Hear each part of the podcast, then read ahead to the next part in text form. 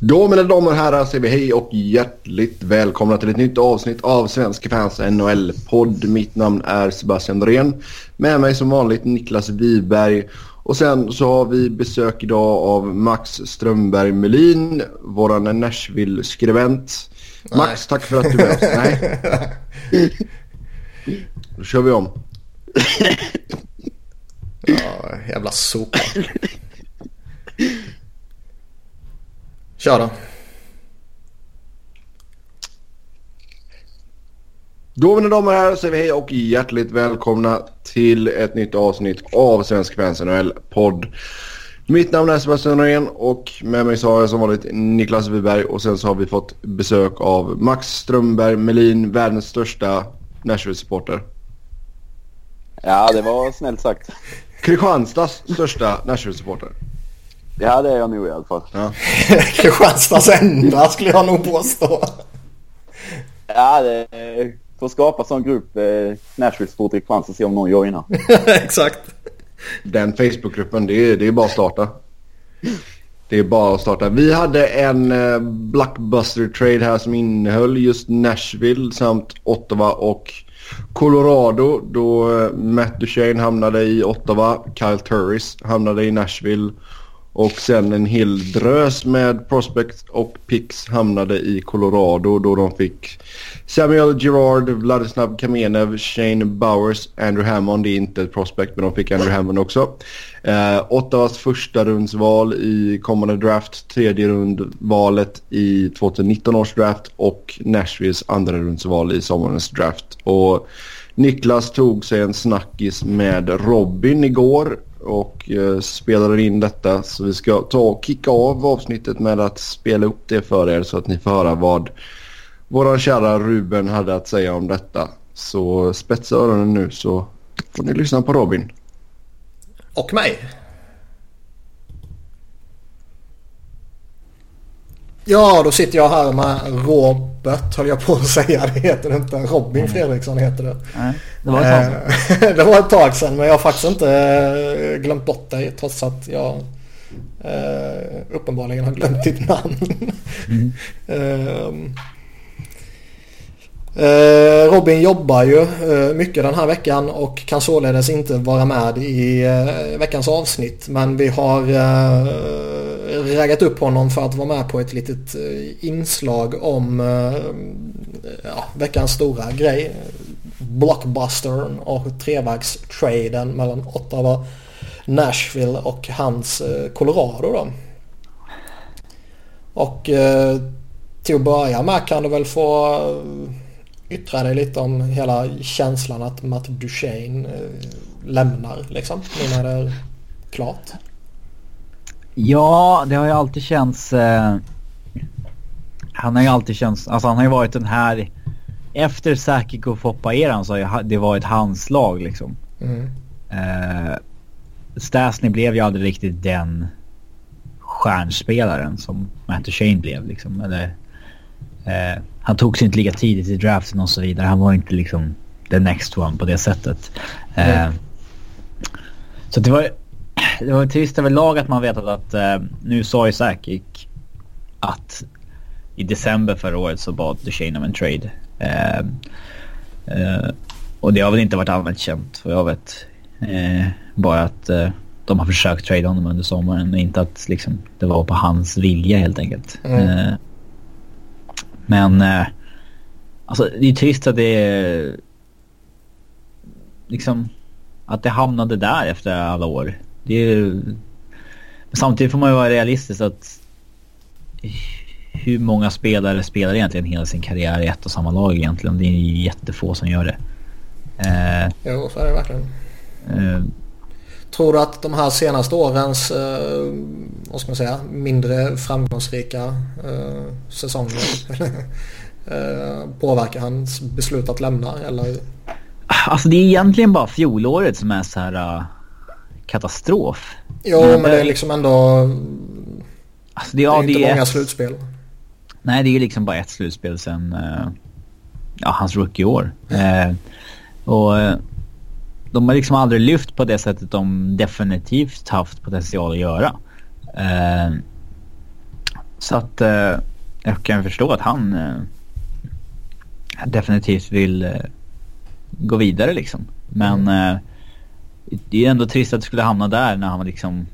Ävs var i hans lag när han var liten och liksom... Han drömde ju verkligen om att bli draftad där och liksom... Det är en saga man vill ska... Liksom även som neutral är ju de sagorna man, man vill ska liksom... Ja, de är vackra. Sluta lycklig på något sätt. Eh, det är trist att det blir så här men... Eh, ja, det... Man har ju vetat, man har sett det komma rätt länge liksom. Det är mm. inte... Det var ingen chock när han annonserades. De har ju varit ett läge nu där de då har tappat eh, Stasny som du nämnde, Ryan O'Reilly och Matt Duchene här nu. Um, hur kommer det sig? Det är ändå tre väldigt framträdande spelare. Uh, ja, det är, det är intressant. Eh, alla tre är ju lite sin egen saga egentligen. Stasny signade ett ganska långt och dyrt kontrakt tidigt när han var en point per game player och uh, hade utgående kontrakt samtidigt som Duchene och O'Reilly liksom växte fram som nummer center 1 och 2. Eh, och Ävs hade liksom tunga år med Stasny också så att han... Och sen hade han ju starka band till St. Louis mm. sen tidigare. Hade han inte signat för St. Louis tror jag att han blivit kvar i, i Avs. Eh, det tror jag. Men O'Reilly... Ja, den sagan gick vi igenom många gånger då men... Eh, Det började redan första gången han skulle ha nytt kontrakt efter eh, hans ELC gick ut. Och eh, han ville ha ett längre kontrakt på 5 miljoner men Elfs ville ge honom en bridge deal på 3,5 efter, efter, efter att han hade haft en säsong med 40-50 poäng någonting. Mm. Eh, och då var han signad i Ryssland när det inte blev så. Innan han kom tillbaks. Eh, Ja, alltså det satte ju käppar i det förhållandet tidigt. Även trots att man bytte liksom GM och coach och eh, den biten fram till nästa gång det var dags. Men ja, alltså han behandlade ju varje kontraktssituation som liksom, eller varje förhandling som att, alltså bara få ut maximalt hela tiden ekonomiskt. Mm. Det, och det får man väl respektera att vissa spelare har den liksom det målet med sin karriär men ja, det är kanske svårt att vinna då. Mm. Uh, Duchene är väl mer liksom uh, ett resultat av liksom en sportslig kräftgång som har varit för länge för att en spelare av hans karriär, liksom, kaliber ska liksom signa ett nytt kontrakt där. Mm. Då är det, alltså, Därför är det lika bra att trada nu. Eh, eller att han lämnar nu också när han är liksom i den åldern istället för att han ska lämna när han är 28, 29, 30 liksom. Eh, att, ja. Uh, Eller vad tror du? Det var? Ja, vad ska man säga? Alltså... Avs är väl i ett läge där de ska Alltså nu Framförallt har han ju bett om en trade liksom. Ja, han har bett om en trade och de borde liksom rebuilda så gott det går. Även om Duchene inte är lastgammal på något sätt. Så är han ju vid 26 års ålder kanske inte den pusselbiten som man ska bygga nytt om. Mm. Uh, och liksom... Ja, jag var väl lite skeptisk i ärlighetens namn till om Colorado kunde få ut eh, ett riktigt bra utbyte för honom nu när det har dratt ut så här tid och det kändes som att eh, ja, liksom det bästa läget för att trada honom var ju innan säsongen drog igång och när säsongen kom igång så var det ingen gynnsam situation och då kanske man får nöja sig med någonting som man egentligen inte är helt nöjd med bara för att man vill slippa undan från situationen. Men jag tycker ju de fick ett jättebra utbyte. Uh, är det liksom... Blev du förvånad över att man gick på ett sånt paket igen när man gick på ett liknande paket med O'Reilly eh, traden som ja enligt många inte fallit väl ut? Alltså det är många alltså, ifs, liksom. Ja. Det, det, är så svårt att prata om liksom förvånande här för det förvånande för min del är ju att Ottawa betalar ett sjuhelvetes pris för att byta ut Kyle Towers mot Matt Duchene. Som ju är en, jag tycker Matt Duchene är den bättre spelaren av de två men det är inte en jättestor förbättring. Ja, och de så- dumpar iväg prospects och picks och hela köret för att bara uppgradera sig lite där. Det är ju det som chockade mig i den här traden. Att Colorado... Alltså det, det ryktades väl rätt mycket om att de ville ha prospects och picks och, och grejer så här. Och, alltså det, det som förvånar är väl att de fick så mycket. Ja, alltså...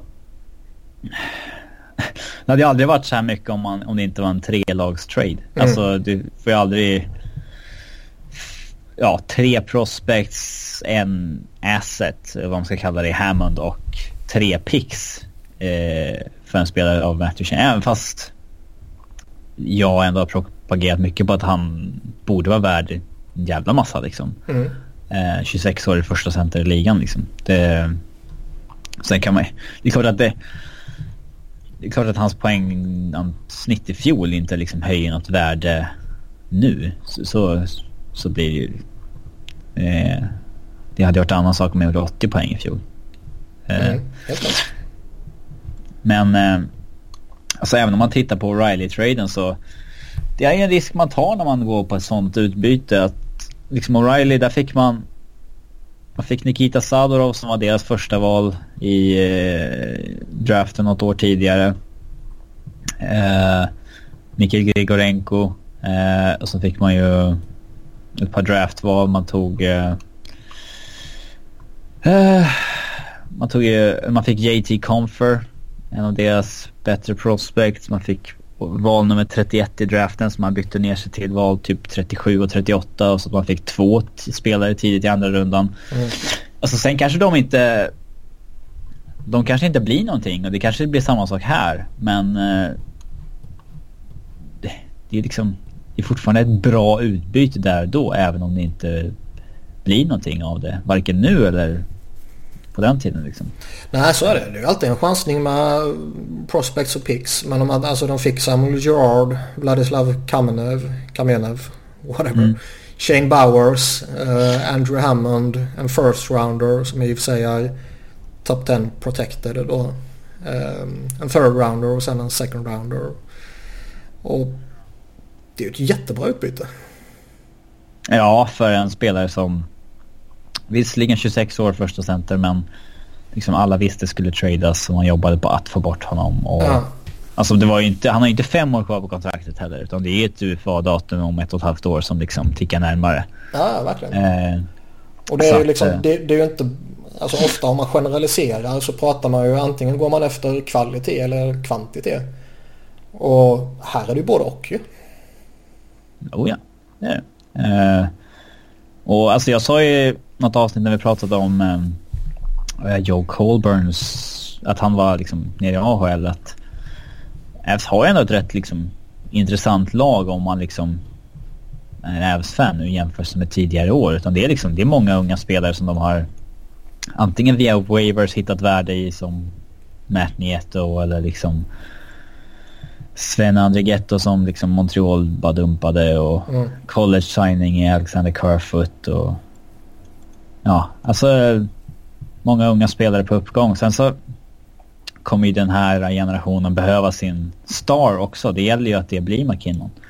Eh, och att liksom Rantanen och Landeskog hänger med på den svängen.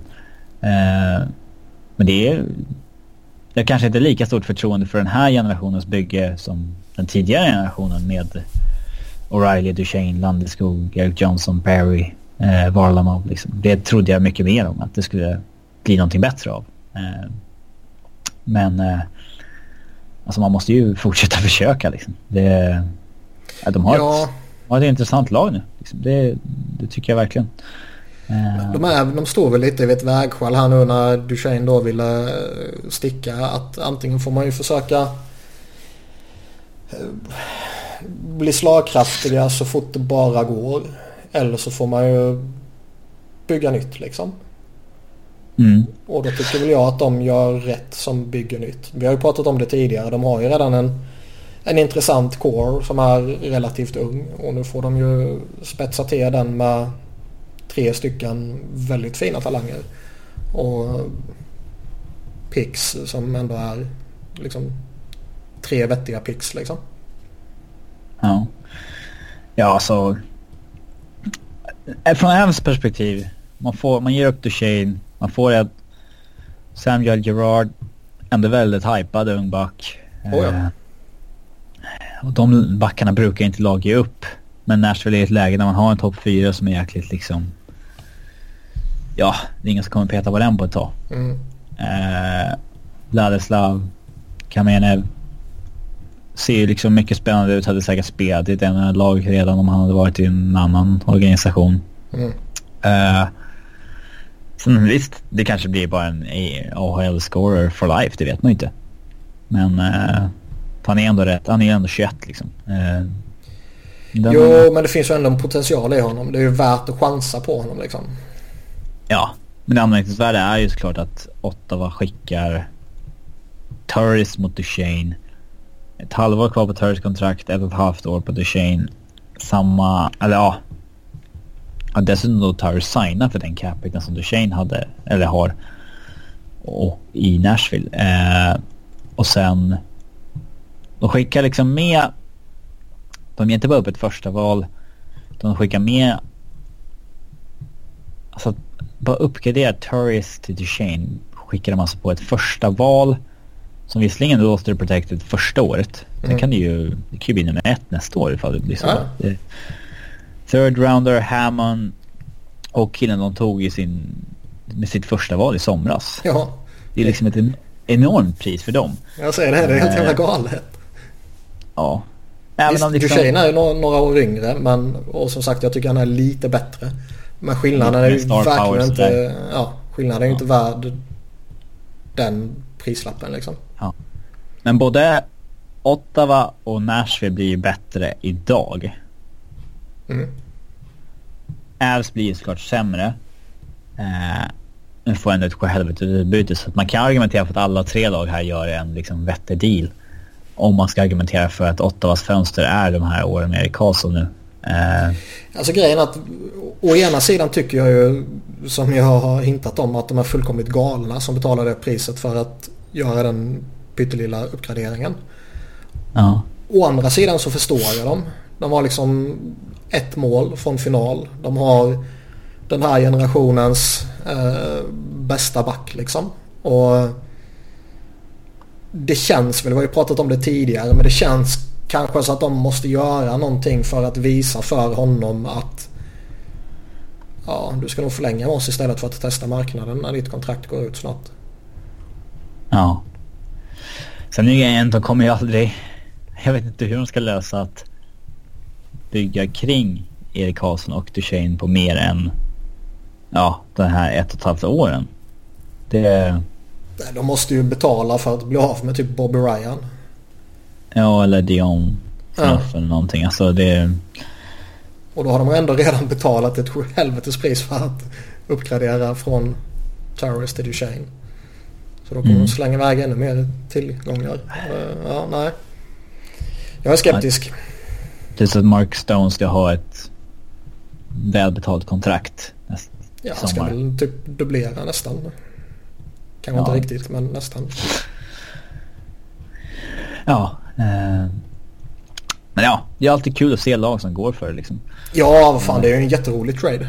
Uh, ja. En riktig trevägstrade och involverar många superintressanta pusselbitar. Det är ju sånt här man vill ha. Ja. Nashville gör ju såklart som vanligt sneaky liksom bäst av alla här egentligen. De får in Kyle Turris på 6x6 och liksom eh, Alltså de ger upp en back de kunde avvara för att de har sin topp 4. Eh, en, en av deras forwards prospects second rounder mm. för en liksom ah, borderline första center. Eh, och i dagens Jag såg att du var halvskeptisk till kontraktet på 6x6 men alltså, vi har ju sett marknaden eskalera för vad man betalar för centra nu tack vare Conor McDavid. Eh, det, jag sa väl på någon, jag skrev en tweet om det kanske några månader sedan att man får inga första centra för 6 miljoner längre. Men eh, det här är ju liksom, Turris är ju, det är ändå en UFA-förhandling också. Ja, alltså jag tycker väl priset 6 miljoner tycker jag väl inte är några problem så egentligen. Det är jag, alltså hur kommer han se ut slutet på kontraktet eller snarare längden som jag är skeptisk till. Um, ja. Men de kommande åren kommer han ju vara en tillgång för Nashville. Och uh, nu har de ju en centeruppsättning som är på pappret i alla fall väldigt stark. Oh ja. Oh ja. Johansson och Turris och Bonino och sen järnkrok i en fjärde center liksom. Ja, de blir otroligt slagkraftiga. Sen är väl då frågan... Uh, blir typ... Skulle man med facit i hand vad som händer nu kanske behåll till James Neal istället? Alltså... Men vem skulle de offrat i så fall? Ja, järnkrok typ. Om han ändå ska vara fjärde center. Bara ja. inom citationstecken. Ja, på så vis. Om de ska gå för det nu liksom. Mm. Men samtidigt... Det där är ett kontrakt som har så jävla bra värde alltså, så att det under en potentiell ja, liksom, cup run. Liksom, så att, helt uh, och liksom hur mycket mindre får man Scott Hartnell för en otroligt mindre, mycket mindre poäng. Mm. Det handlar också om att lämna rum mot spelare som Kevin Fiala och sådana. Absolut, absolut. Ja, Preds ser lurig ut. Ja. Var, vi har typ inte nämnt Andrew Hammond någonting. Men det kommer ja. ju snack rätt eh, omgående att han kommer vara kvar i Belleville Senators. Och eh, Colorados avsikt är väl att försöka flippa honom vidare. Ja, för det är inte så här så att de... Eh ah, skickar, det skickas ju inte in i en trade här för att jämna ut antalet kontrakt eller någonting som byter plats. Alltså, mm. Eller målvakts...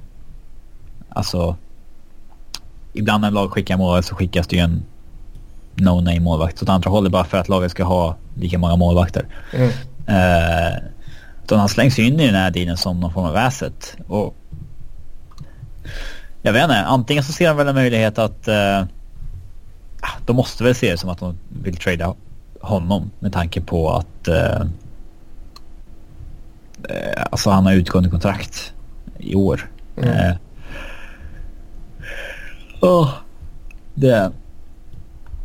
Eh, det känns som, jag, som någon man borde kunna vem... flippa framåt deadline eller något sånt där i, i sämsta fall typ. Och få någon vettig pick bara. Ja, ibland häpnas man av vad vissa betalar för picks, eller vad vissa betalar för rental support players i, i Dead. Men eh, visst, alltså man, man, han kanske inte hade något värde i traden egentligen utan Ottawa bara frågade kan ni, vill ni ta lönekostnaden mot ett eventuell reward with deadline liksom. Mm. Så får ni han på köpet om ni vill, typ. Det behöver inte vara så att Elves nobbade att få ett fifth rounder istället eller någonting. Nej, jag menar han tjänar ändå 1,5 miljoner den här säsongen. Ja, det är ett jobbigt kontrakt för ett lag som Ottawa. Ja. Sen har man ju ett utgående kontrakt på Bernier också. Eh, det är en målvakt som jag tror kanske har ett högre värde. Absolut. Eh, och då kan man ju skeppa honom kanske också. Eh, alltså det, det var en säsong där Alltså alla äldre spelare med utgående kontrakt borde vara aktuella för en trade. Blake Homo också. Liksom. Mm, Blake Homo är en definitivt en, alltså en deadline day trade liksom. Ja, det, han tror jag även kommer få betalt för. Det han känns som en typisk spelare som folk kommer överskatta när det är deadline. Ja, fast oj då får vi en riktigt bra fjärde kedja. Mm. Typ. Uh, retaina halva på honom och så skeppa liksom. Mm. Uh, mm. Det blir intressant att se dock. Eh, eh, Samuel Gerard har ju flugit direkt till Stockholm och ska ju spela matchen på på fredag. Ja, eh, han borde ju gå direkt in i laget tycker jag med tanke på vad man har tillgång till i övrigt. Eh, ja, alltså man har en liten log jam på backsidan ändå. Det, jo, det finns mycket folk backar. men det finns ju uh, få superbackar om man säger så.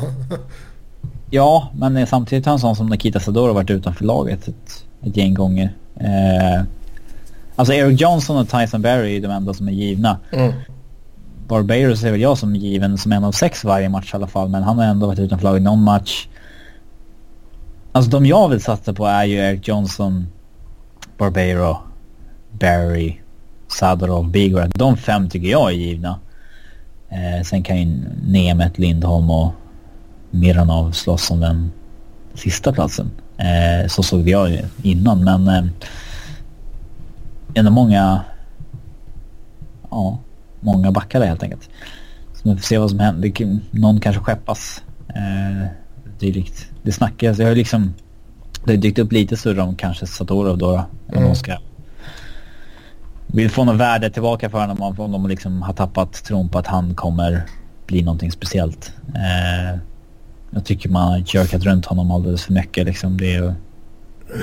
Head scratch hit och dit och så vidare istället för att bara liksom satsa på honom ordentligt istället.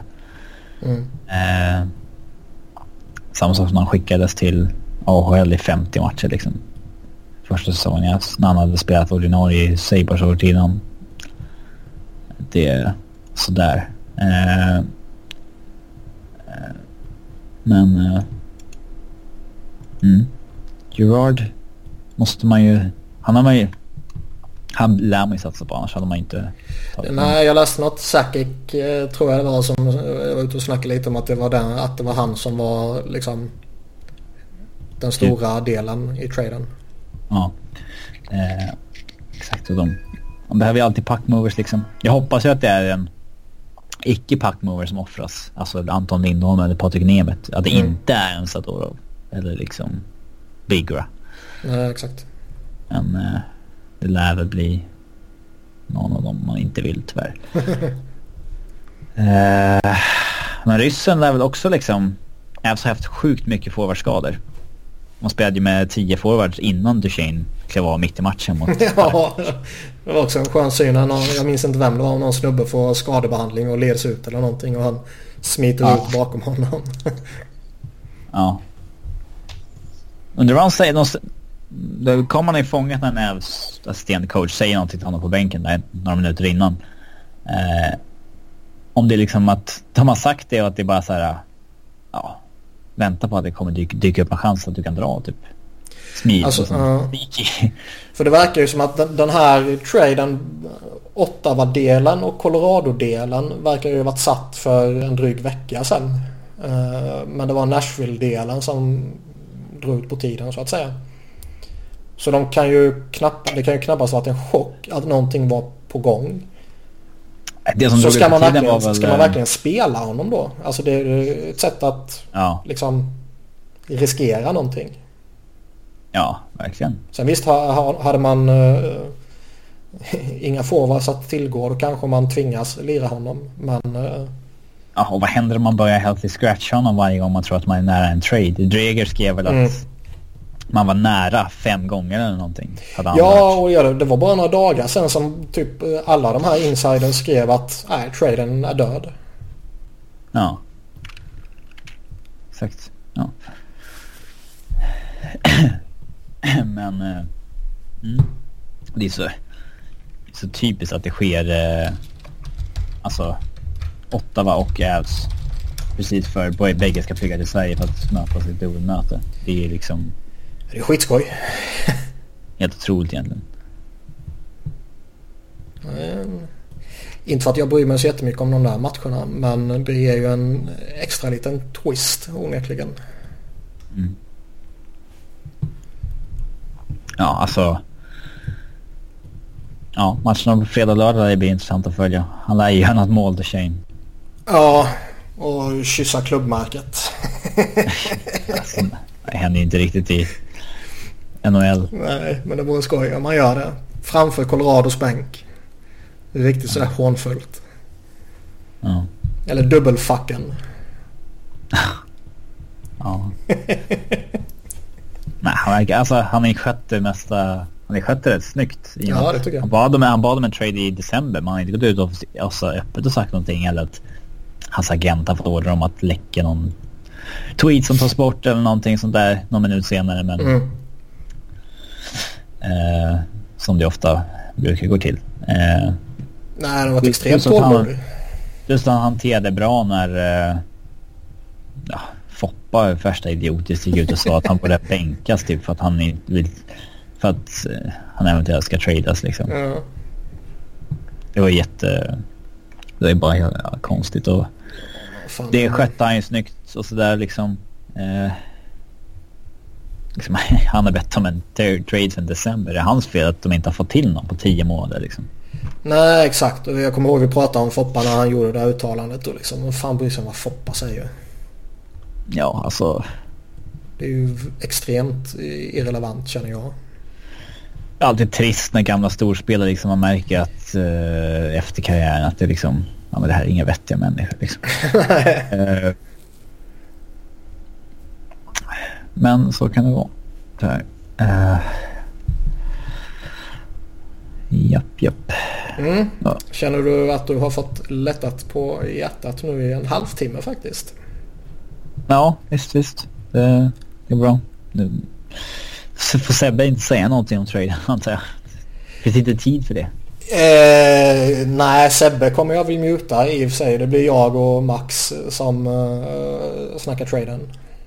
Det är ju Mm. nu vi ska gå och attackera dina åsikter utan att du har någon chans att försvara dig. Mm. Ja, kan man göra. Det kan man göra. Men eh, gött att du kunde vara på ett litet hörn den här veckan i alla fall.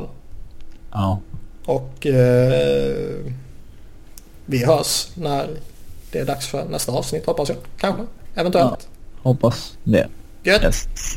Tack. Ja. Det var Robin det. Mm.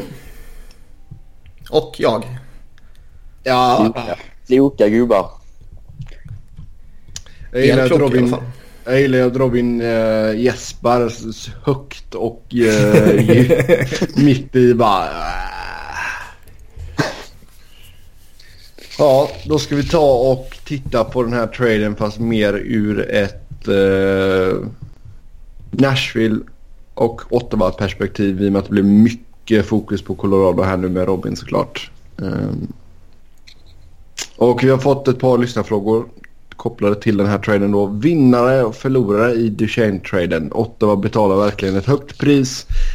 Är det lite av en revansch för Sakic nu när han blivit hånad och sågad av fans och media för sin passivitet? Alltså jag sa ju när vi spelade in här att jag är ju mycket positivt överraskad för utbytet de får. Jag var ju skeptisk till att kan man verkligen maximera värdet i en trade om man låter det dra ut på tiden som det har gjort liksom. Mm. För jag tycker väl inte det är en särskilt gynnsam situation att gå in med det här i en ny säsong med tanke på vilken följetong det har varit och hur länge sedan det var han faktiskt bad om traden och så vidare.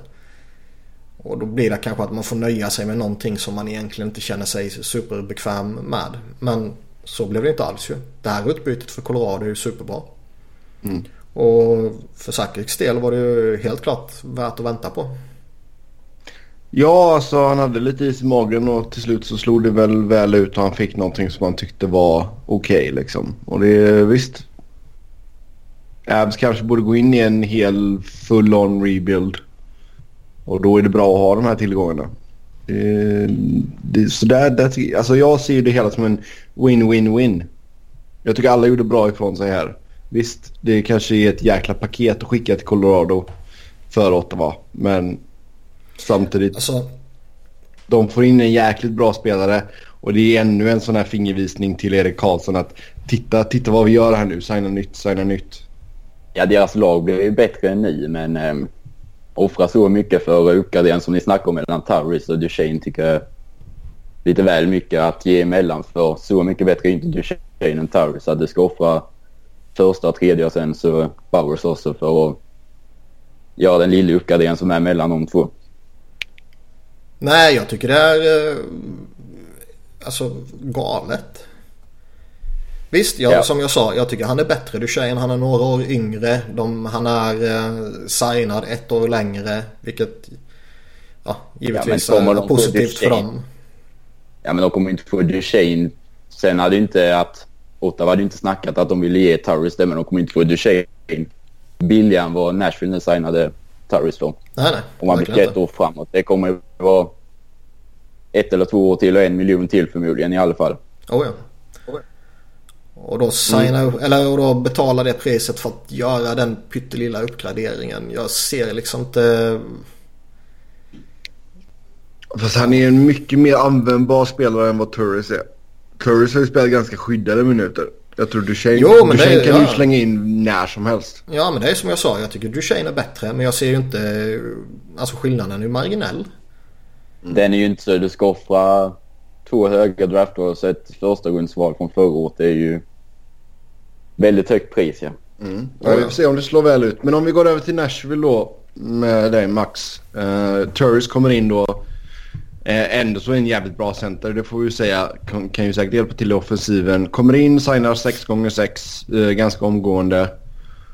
Och nu ser ju centerdjupet snuskigt bra ut för Preds. Ja, och både Tarris och Benino lär ju spela på lördag.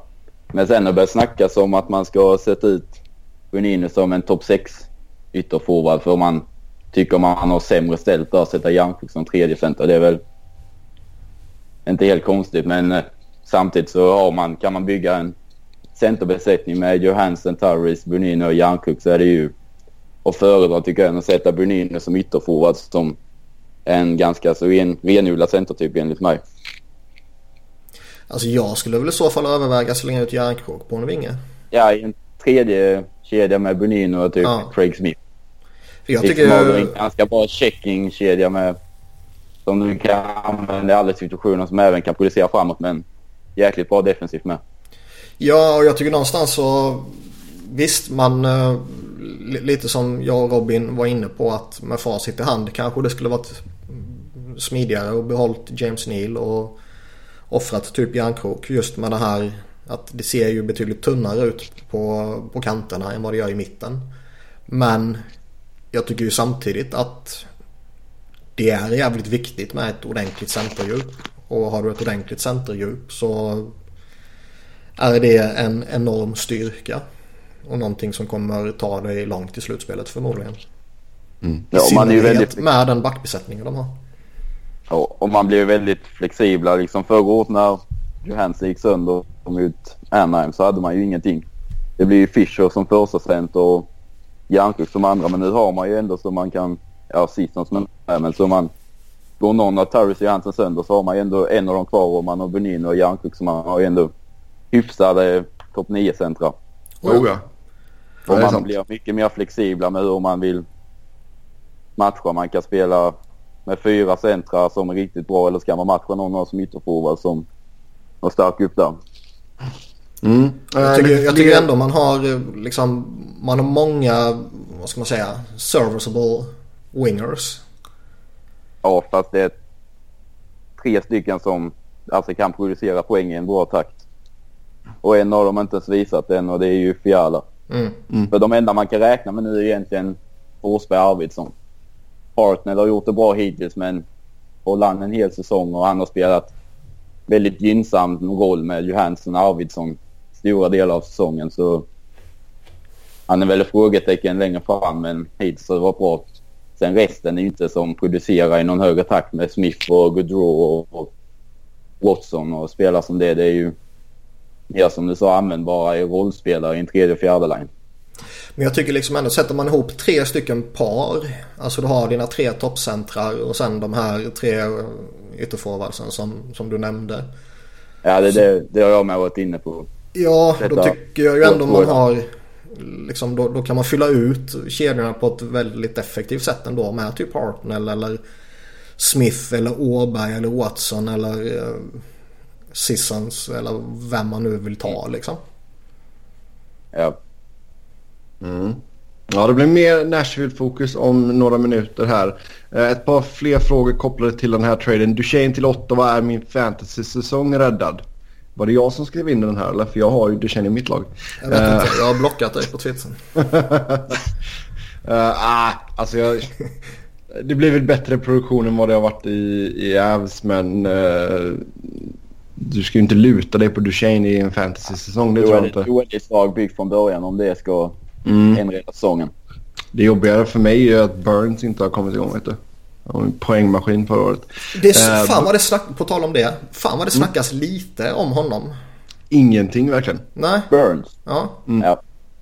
Han har väl inte gjort mål än? Nej. Sju assist tror jag han har. Och det, och det, är ju, ja, det är ju OK för vilken annan spelare som helst nästan. Men det är ju ja, direkt svagt för honom. Mål, liksom. ja, ett mål från 30 förra året. Och Nu har han spelat 15-16 matcher och ännu inte gjort mål. Mm. Mm. Ja, han har pikat. Och de matcherna man har sett har han ju varit klart sämre än förra året med att han syns inte lika mycket. Det kan vara positivt i vissa bemärkelser med sådana backar men alltså han har inte följt med i anfallen på samma sätt. Det har inte varit den alltså, gången mellan forward och back som har varit tidigare. Det har varit mer renodlat backspel från honom. Mm. Vilket kan vara positivt med men det... Ja, men han, han, han, ska ju spela på det sättet som gör honom framgångsrik. Annars är han ju ingen back för 8 miljoner eller vad de var de signade. Nej, man ska ju släppa lös honom och låta han göra sitt. Ja. Mm. Trots det så är ändå Sharks gått helt okej. Okay, så det kanske blir farligare sen när han väl kommer igång. Om han nu kommer igång. Um, sen har vi, börjar Sakic närma sig, närma sig Benning-klass nu. Tredje centern han torskar utan att egentligen få något ordentligt tillbaka. Ja, här fick de ju ordentligt tillbaka tycker jag. Ja, det tycker jag med. Och sen så eh, O'Reilly-traden var ju alltså nu i efterhand har inte slått så väl ut men att få Grigorenko och Sadorov då var ju inte jätte, jätte då. Det var ju två ganska hypade spelare. Mm. Hade han hunnit bli GM redan då också? Jag minns inte. Ja, det jag orkar inte gå tillbaka och kolla. Men tror det. Eh, ett par snabba nyhetsgrejer här. Owen Tippett skickas från Florida tillbaka till OHL och uh, Kaeler Yamamoto skickas från Edmonton tillbaka till WHL. Så tillbaka till juniorligan för de två. Jag tycker uh, vi innan vi går vidare Yamamoto. så kan ja. vi gott låta Max uh, svänga in lite på Samuel Gerard och Vladislav Kamenev. Vad det är för några. För så folk som kanske inte har koll på dem. Ja, absolut. Ja, Gerard var ju backen man plockade i 2016 och draft andra rundan. Kom upp i år, gjorde en jäkligt bra kamp och tog en plats som han fick eh, förmodligen på grund av att Ryan Ellis är borta fram till jul. Det har ju nästan Paul gått ut och sagt att man spelar han för att visa upp han för att kanske bli en trade asset till denna trade som han nu gjorde. Men väldigt spelskicklig och rörlig på skridskorna som gärna följer med i anfallen och skapar numerär överlägen. Så. Och väldigt skicklig på blålinjen där han vågar göra de avgörande dragningar. Är inte rädd för att misslyckas för han har vetat att det finns som backuppar men förmodligen topp 4-back för Colorado i många år framöver med potential att bli första parsback. Och Kamenjev har ju gjort det bra i Milwaukee sen han kom över där och tycker väl nästan de flesta Nashville-fans skulle ha fått en chans i slutspel förra året när Johansson gick sönder. Men istället så fegar man och spelar lite mer begränsad forward. Så jag kommer ihåg det och jag pratade lite, lite om det då. Ja, och i år var det lite överraskat att han inte tog en plats i NHL utan att han fick börja i Milwaukee. Och han har väl ansett som det tredje, fjärde bästa forwardsprospektet man haft. Och då är det klart att man kan offra för att få in en Turris men jag var väldigt eh, tänd på honom och gillade honom som speltyp. Och, alltså han borde vara någon som passar i Nordamerika. Han borde ha kraft och fysik och ändå bra händer. Så långsiktigt så kan han kommer bli användbar för Colorado också. Vad ser du annars på liksom, priset man ger upp för att ta in Kyle Turris och kontraktet man signar honom på? Priset är väl... Man har ju gjort bra drafter de senaste åren har ganska, inte bred men relativt spetsig prospect pool med Fabro och Tolvanen och sen mismatch och lite annat. Och så rankar man ju både Isell och Emil Pettersson väldigt högt. Så det fanns ju utrymme att kunna släppa i alla fall Kamenje. Men Alltså, jag tycker Gerard, jag hade ju nästan hellre offrat Fabro. Han har väl ett högre tak men att Gerard är redan slått sig in och visar sig kunna fungera på en elva är ju till hans fördel. Mm. Och sen kontraktet, det är väl... Han hade förmodligen fått mer om han gått ut och blivit um, ut på marknaden, öppna marknaden. Men 6,6 för en... Han lär ju bli andra center. Det är väl relativt mycket för en andra center men samtidigt har man aldrig haft... Nu har man ju tre bra centra, riktigt bra, som man aldrig haft innan. Och Turris hade varit första center i organisationen i alla år fram till Johansson kom. Och han för 6 gånger 6 är väl ändå helt okej okay, sett till vad man kunde fått på öppna marknaden sen. Ja, det är som jag sa när jag spelade in med Robin där. Alltså 6 miljoner det är väl inga problem liksom. Det är väl marknadsmässigt bra kontrakt så. Jag är lite skeptisk till Cal Turris om några år. Slutet ja, på det här kontraktet. Men... Han ville upp till 8 år. Mm. På kontraktet men eh, Paul var ju ganska hård med att han ville hålla på i alla fall 5-6 år. Inte över 6 ja. år. Det var ju Och det är ju alla spelare vill ju på. Ja, alla spelare. Ja, han är ju redan 28 så man tänker att han är yngre men mm. han är ju... Det är ju 34 är ju när kontraktet går ut så det... Efter 30 ser vi nu för tiden att det börjar kunna falla av ganska snabbt för många spelare. Sen är det lite så det är de närmsta åren som Preds ska utmana. Man ska ju passa på så länge man har Roman Josie för 4 miljoner och man har fått Ekholm billigt och ja exakt. Och vem vet vad som Pekarinne kanske håller även nästa år. Eh, eller så bara Jussi Saros tar över så smått vilket vi återkommer till strax. Men eh, Preds gör väl rätt som går för det rätt hårt här de kommande åren tycker jag. No. Yes. Ja, har vi någonting att säga om Tippet och Yamamoto? Ja, Yamamoto tycker jag har sett intressant och bra ut när man sett Edmonton spela men och sen har vi en av dem, alltså de har ju några alltså forwards som inte kan spela hockey överhuvudtaget och har man då tre spelskickliga centra så tycker jag att man ska tillvara på de spelskickliga bra forwards man ytterforwards man har som kan kombinera och spela med dem så man slipper spela en Zach Cassian med Nugent Hopkins och liknande. Istället dumpar de ner honom och förväntar signa Chris Kelly. ja, det... ja, den är lite... Bästa djupet. Mm. Sen uh, Tanner Glass gick in on waivers. Det var Niklas ledsen över. Ja, man hade ju sett fram emot att se Rangers eller Toronto plocka upp honom. Det... Ja, sen... Det kan ju inte vara en enda människa som är chockad av att han var för dålig liksom. Jag fattar inte hur Calgary... De gör vissa saker som är så jävla bra och sen gör de vissa saker som är så fullkomligt idiotiska. Liksom Grossman förra året och nu Glass. Så ja. det är ju... Varenda människa fattar ju att ingen av de två kommer tillföra någonting och ändå ska man envisas med att testa dem liksom. Jag fattar inte. Ja. Men sen får man ju tänka på vilka gubbar de har där på kontoret också. Jo, jag vet. Men alltså då, då blir det ju konstigt. Alltså som jag sa, vissa saker är de superbra. Och, och, och liksom vissa saker är fullkomligt galna. Det finns ju ett enorm spännvidd mellan de två ytterligheterna. Mm. Ja, det är sant. Sen eh, Vadim Chipachov, vi har pratat en del om honom här i podden. Eh, senast är att han ska spela i KHL. Och eh, Niklas, du och jag snackade lite igår när vi bara pratade att det verkar ju som att priset för honom bara var en fifth rounder. Det som var lite lustigt som jag inte riktigt greppar är ju att det verkar ju som att eh, Anaheim ska ha varit i, i, i snack med Vegas om att ta in honom. Och de kan mm. ju behöva hjälp nu när Getzlaff är borta två månader. Ja. Och, och lite andra skadeproblem på det. Men det som var lite konstigt som jag fattade som var ju liksom lite oklarheter över hur signing-bonusen ska behandlas.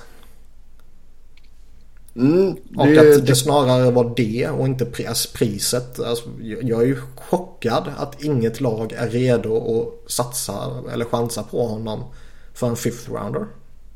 Ja, alltså få en eh, som kan göra en 50 poäng och vara en bra middle six-center, alltså för en femte runda, det är ju ingenting. Nej, och det... visst det, det är väl kanske det här andra året på kontraktet. Det kanske skrämmer bort lite. Men alltså fan ta in honom. Funkar det inte efter 20 matcher i en bra omgivning. Dumpa ner honom till AHL och han kommer inte vilja det. Riv kontraktet och så slipper man undan det. Ja, ja det är hur lätt som helst att komma undan andra året. Det är ju... Ja, och liksom snackar man då, jag vet inte hur Vegas ekonomiska förutsättningar ser ut men alltså tänk typ Rangers. De har ju inga problem att slänga uh, någon eller några miljoner i sjön om man skulle hamna i ett sånt läge. Men det jag inte riktigt fattar är hur diskussionerna kan liksom handla om signingbonusen och vem som ska betala den och hur det ska fördelas och sådana där saker. Det är väl tämligen det... givet att Ska den signas eller betalas ut i juli då är det laget som han är kontrakterad under som ska betala ut det. Ja, det, är väl, det är väl skrivet när den betalas och då ja. klubben som har hans rättigheter då är det väl inte mer logiskt att de ska betala ändå. Nej, och man ser ju jätteofta att lag eh, måste vänta med en trade för att den här spelaren har en signingbonus på eh, några miljoner som ska betalas ut. Och när den är utbetalad så sker traden liksom. Mm. Så jag fattar så är... inte riktigt det. Nej, den skulle lägga, ligga helt på Vegas. Så enkelt är det ju. Ja. Så det är ja, lite konstigt där faktiskt. Och återigen trist att vi inte verkar få se Chipachov här i NHL. Uh, eh, New York Rangers och Montreal har fått upp farten lite. Rangers har fyra vinster på raken. Ligans formstarkaste lag tillsammans med San Jose. Mm. Um, Illa. Mont Montreal tre raka vinster. Inte längre i botten av Eastern. Tror vi trots detta att det kan hända någonting antingen på tränarfronten eller på trademarknaden? Ja, Rangers fortsätter väl fortfarande tuggas lite om vad de ska göra. Det känns väl som att Vinå överlever nu i alla fall. Men eh, de kanske gör någonting med laget. De här ryktena har väl inte försvunnit att de kanske vill föryngra sig på något sätt eller de kanske ska offra någon av de här som vi pratade om. Var det förra veckan va? Eller var det förra, förra? Jag minns inte. Ja, det var nog förra. Men McDonalds och Zuccarello och så här. Mm. Um, Montreal. Man ska ju aldrig underskatta vad Mark Bergevin kan hitta på. Um, så jag skulle ju inte bli ett dugg förvånad om det händer något extremt stort imorgon liksom. Men det känns väl att de ska väl också bara vänta ut uh, Alltså det oundvikliga tillbakastudsen om man säger så. Som både Rangers och, och Montreal kanske har påbörjat nu så att säga. Ja. Uh, och nu ska de väl bara få lite ordning på Carey Price här som har gått och blivit skadad igen. Och sitter lugnt i båten och vänta ut det liksom. Montreal. Ja. Alltså, de har ett bra lagbygge. Man kan ju diskutera och kritisera saker de gör givetvis. Men på det stora hela är det ju ett lag som ska gå långt i slutspelet. Ja, nu har man ju ändå känning upp till slutspelsplatsen. För det är ju inte alltså panik att man är 7-8 poäng bakom redan. Att man måste göra något mm. direkt. Man har ju ändå känning och, och går det liksom ge det som finns på plats nu lite tid. Och om det inte skulle funka så har man ändå bra tid på sig efter det att rätta upp det på något sätt. Mm. Mm, ett lag som går knackigt i Edmonton. Man ligger näst sist i Western och det är ju långt ifrån att nå upp till de förväntningar som vi hade på Oilers inför säsongen och många andra med oss. Back where they belong på 30-platsen. Alltså, detta är, alltså det är så jäkla pinsamt när du har en spelare som McDavid att du kan vara så här jävla dåliga. Dalin till Oilers eller vadå? Ja för helvete verkligen Åh oh, nej usch. vi har, vi har fått in en lyssnare för... I alla fall de behöver ju alltså spelskickliga backar det är ju Ja men de förtjänar det ju inte, herregud. Nej. nej, nej men alltså rent generellt att de skulle behöva någon back som alltså kan sätta pucken till forward som kan få pucken ganska djupt ner med bra fart och kunna sätta bra första pass för nu. Ja det vore ju guld för dem. Alltså ja, det är ju Kleblum med. Kleblum är ju i grunden kanske mer en defensiv. Adam Larsson är detsamma och sen förvänta sig att Greiber och Russell och Nurse ska leverera bra passningar. Det är ju idiotiskt om man eh, räknar med det. Mm. Sure, eller. Uh. Man sitter ju bara och väntar på den här paniktraden som de kommer att göra. Och, uh... Men har de så mycket kvar och vad skulle de nu offra? picks och de har ju någon prospect Yamamoto som vi pratade Ja, om tidigare liksom. Puljujärvi. som det känns, det känns bara så givet att de kommer ge upp om honom bara för att inte han har tagit fart omgående liksom. Mm.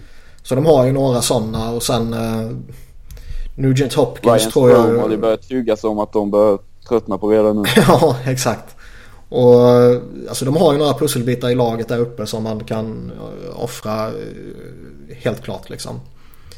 Eh, och jag bara väntar på den där oundvikliga paniktraden. För ligger de i botten eh, någon eller några veckor till då kommer det ju ske ju.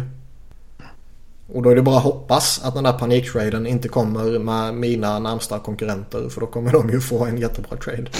Ja, exakt. Eh, nej, och vi, alltså, vi har fått in en lyssnarfråga här om Rasmus Dahlin också. Vilket lag vi skulle vilja se honom i. Men alltså, det laget vi absolut inte vill se honom i det är ju Edmonton. Nej, ja. Alltså, Alltså, jag, jag, varit, jag, de är ju inte värda han men alltså. Nej. Det hade varit roligt att se liksom Dahlin med McDavid och att det kommer till ett bra lag direkt kanske kan påverka eftersom att det är de behöver att han kan påverka dem positivt direkt men Ja. det är inte så att de är värda han.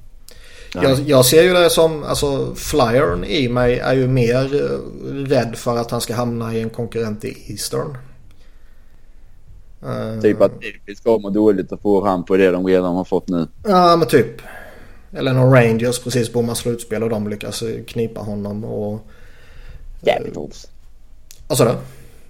Capitals. Ja men något sånt så där liksom. Ja, något där eller alltså en Tampa eller Pittsburgh via någon jävla trade lyckas vinna ett lotteri sen. Eh, det är ju mer relevant för mig än att han skulle hamna i Edmonton. Sen är det väl två lag i, i Western som man bara verkligen inte vill se honom i bara för att de inte förtjänar honom. Och Edmonton är ju det ena, Vegas är det andra. Eh, Vegas för att de verkar vara totalt inkompetenta och då med lutar man sig tungt mot Chipachov-såpan. Annars vill jag, jag skiter ju fullkomligt i var han hamnar egentligen men jag vill ha han i Western. Bara för att ja, ha Ja, bra klart. spelare borta från, Ja, du från vill. Ja, exakt. Yes. Ehm, mm, sen eh, om vi tittar lite på tabellen så Dallas, Chicago, Anaheim, Minnesota. Alla utanför slutspel just nu i eh, Western. Ja. Alltså, Men det är fortfarande tidigt. Fortfarande Men det är- tidigt och det är några lag som kommer falla bort. Alltså Vegas, Vancouver, Colorado. Alla de tre kommer inte ta slutspelsplats liksom. Nej, det är ju... Men ändå, alltså Dallas har ändå känts som de har gått hyfsat bra alltså på något sätt men ändå ligger man utanför och Annan kan väl säga för skadorna så Mm. är väl den stora orsaken där och nu med Getzlaff med så har man ju ingen centerbesättning alls att tala om nästan. Är det Vermette som ska vara första center nu i någon månad och så hade man ju Lindholm och Vartanen borta i början. Det är alltså, det märks ju. Oh ja. Minnesota har ju varit i någon liknande läge där de har haft lite skadeproblem också. Så där kanske man kan lyfta Ja. undan sådär bara. Jo, och samtidigt så snackar vi liksom, fan vinner du tre matcher på raken här nu så är du, då är du inne liksom. Ja, man har någon enstaka poäng. alltså de- Ja, Nashville och näst sist innan man tog tre raka nu på fyra dagar. Nu är man trea i divisionen direkt. Det, Mm. det är ju så små skillnader i början så det är ju lätt att överreagera på att man förlorar tre matcher i rad och sen vinner tre. Kan man bara kolla på tabellposition istället för att kolla poängmässigt. Nej, det gäller bara att man inte halkar efter för mycket. Eh, Ja. För det känns ju som lag som typ Florida, Buffalo, Arizona, Edmonton kan fan vara på gränsen alltså. Eh, sen vet man man kan aldrig räkna bort dem med tanke på McDavid då men det är nästan så slutspelsracet har gått för dem efter inte ens 20 matcher. Ja, Ja, det, ja. Alltså, det är ju många. Det är ju ett till två lag i varje division som faller bort och då finns det ju ändå. Då ska det ju förbi ett eller två av de lagen som ändå gått bra nu i början som är, kommer att lyfta det förmodligen hela säsongen. Mm. Som i Central med Minnesota. Alltså Winnipeg och St. Louis har ju överraskat och då att man ska ta in de 12 poängen man redan tappat till St. Louis. Det är ju... Man säger att ja, det är mycket kvar och så men det är ändå poängen som ska tas in någon gång. Ja, och det gör man inte på beställning. Nej. Nej. Nej men alltså jag menar titta på Pacific. LA 1 ja det är, det är bra. Det gillar vi. Men jag menar håller sen inte i Ve- sig. Usch. Ve- Vegas 2, Vancouver 3 liksom. Det, det kommer inte hålla i sig. Vilken slutspelsrunda. Vancouver Vegas. Ja, fy fan. Ja, tittarstorm på den. uh, fy fan. Ja, nej, vi går vidare och ska köra Nashville-fokus då i och med att Max är med oss. Och vad är dina intryck från säsongen hittills? Eh, nu ligger man ju på tredje plats i Central efter tre raka vinster. Och ser du laget även som en uh, contender i år? Ja, så contender är man väl än mer nu när man fick en Turris och inte offra någonting som hade jättestor inverkan på laget nu. Mm. Och då att man har kvar sina topp 4-backar och har två alltså riktigt bra centra nu och så har man fått in Bonino som gör att man har en bra tredje center med. Och mycket hänger ju liksom på att Rinne kan fortsätta på det han visat upp hittills under säsongen. Och ska man vara helt ärlig så första tio matcher så maskerar han många av problemen med sitt spel. Att ja, man låg fortfarande ändå på 500 och man hängde med och låg på sin fjärde plats i divisionen. Men spelmässigt så såg det riktigt, riktigt dåligt ut. Många matcher där man framförallt från egen zon spelar fast sig själva och connection, connection mellan forwards och backar var inte alls på plats. Och backar fick transportera puck långa vägar och sen lägga ner så man kom inte in i anfallszon. Alltså med pucken under kontroll och med fart någon gång utan vi börjar gräva långt ner och har man då att man vill gå och alltså byggt laget att man är ganska spelskickliga och speediga då är det helt fel sätt att gå med att man ska börja brunka sargerna. Ja, herregud. Och det, vad laget är ju byggt för att ha pucken av och då med topp fyra backar som hur bra med pucken som helst och ganska spelskickliga och snabba forwards överlag så det har ju inte sett jättebra ut, ut hittills med att man nu har vunnit tre raka och spelmässigt mot eh, Anaheim framförallt så står det ju klart bättre ut än vad det gjort de första tio matcherna. Och I natt var det fall tillbaka där Columbus alltså är bättre nästan hela matchen. Men att man tar en seger och nu kan komma hem och börja om på... Alltså nu har man ju snart laget som man ska under säsongen. De har fått in Bonino och Turris har sina två centra att bygga på. Då är det bara Ellis som saknas. Så nu kan man ju börja bygga på Stumme som ska ta laget långt under säsongen. Mm. Det får väl ge den tid det behöver. Det är ju sju, åtta nya matcher där det kan ta tid och allt ska sättas. För mycket powerplay ska justeras och vad ska Turris in där och lite så det kommer bli en ny alltså säsongstart med att lite nytt ska sätta sig. Där 10-15 matcher in i säsongen så det dröjer väl en 10-15 matcher till innan man ser det riktiga alltså laget och så som Mm. det kommer se ut framöver. Och då kommer Ellis tillbaka med så då blir det ännu mer att laget är sett och det är det man ska jobba med. Ja. Alltså på pappret tycker jag man har ett jävligt bra lag. Om vi tittar på målvaktssituationen då. Pekarinne, Jussi Saros, finnarna där. Ehm, hur länge till tror du Rinne håller? Alltså, det... Skadan bo- var både jag och Wiberg har pushat ganska hårt för Saros. Ja, det har jag med gjort, men ska man vara helt ärlig så... För sina, vad var det, första åtta starter förra året han hade 6-1-1 och 93 och typ 1-80 i goal against. Så har det sett ganska dåligt ut. Sina senaste 23 matcher så är- efter dem har han inte ens... Då har han under 89 räddningsprocent en bra bit över tre insläppta på match. Så det är väl... Vinna är ju... Man vinner ju inte med Saros gjort. Det är en sak som är säker. Och nästa år så är väl inne på väg att det förmodligen kommer ta slut. Han fyllde 35 förra veckan och har ju senaste 10 åren stått 60-65 matcher säsong ut och säsong in och har väldigt atletisk spelsida. Han hela tiden spelar i sitt vi och har ju haft sina skador med så det vore ju inte gott att det ska hålla mer än denna och kanske nästa säsong ut också.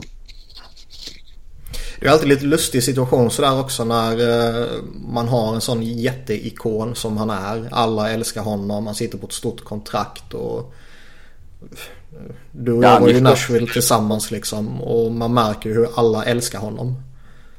Ja. Efter Legbrand och Webber han är ju typ störst. Ja, i, och nu är han ju då störst av de som är kvar så det märks ju tydligt. Det såg vi ju när han gjorde någon tavla där. Så förra året det var ju alltså snack om det men det var ju ändå ingen som vågat upp det på riktigt för han är ju untouchable på något sätt för att han har varit med i laget när han har kommit långt ner och inte haft så mycket och nu när framgången börjar komma så är han, säger folk, värd att det är han som ska leda laget till Mm. framgångarna så att säga.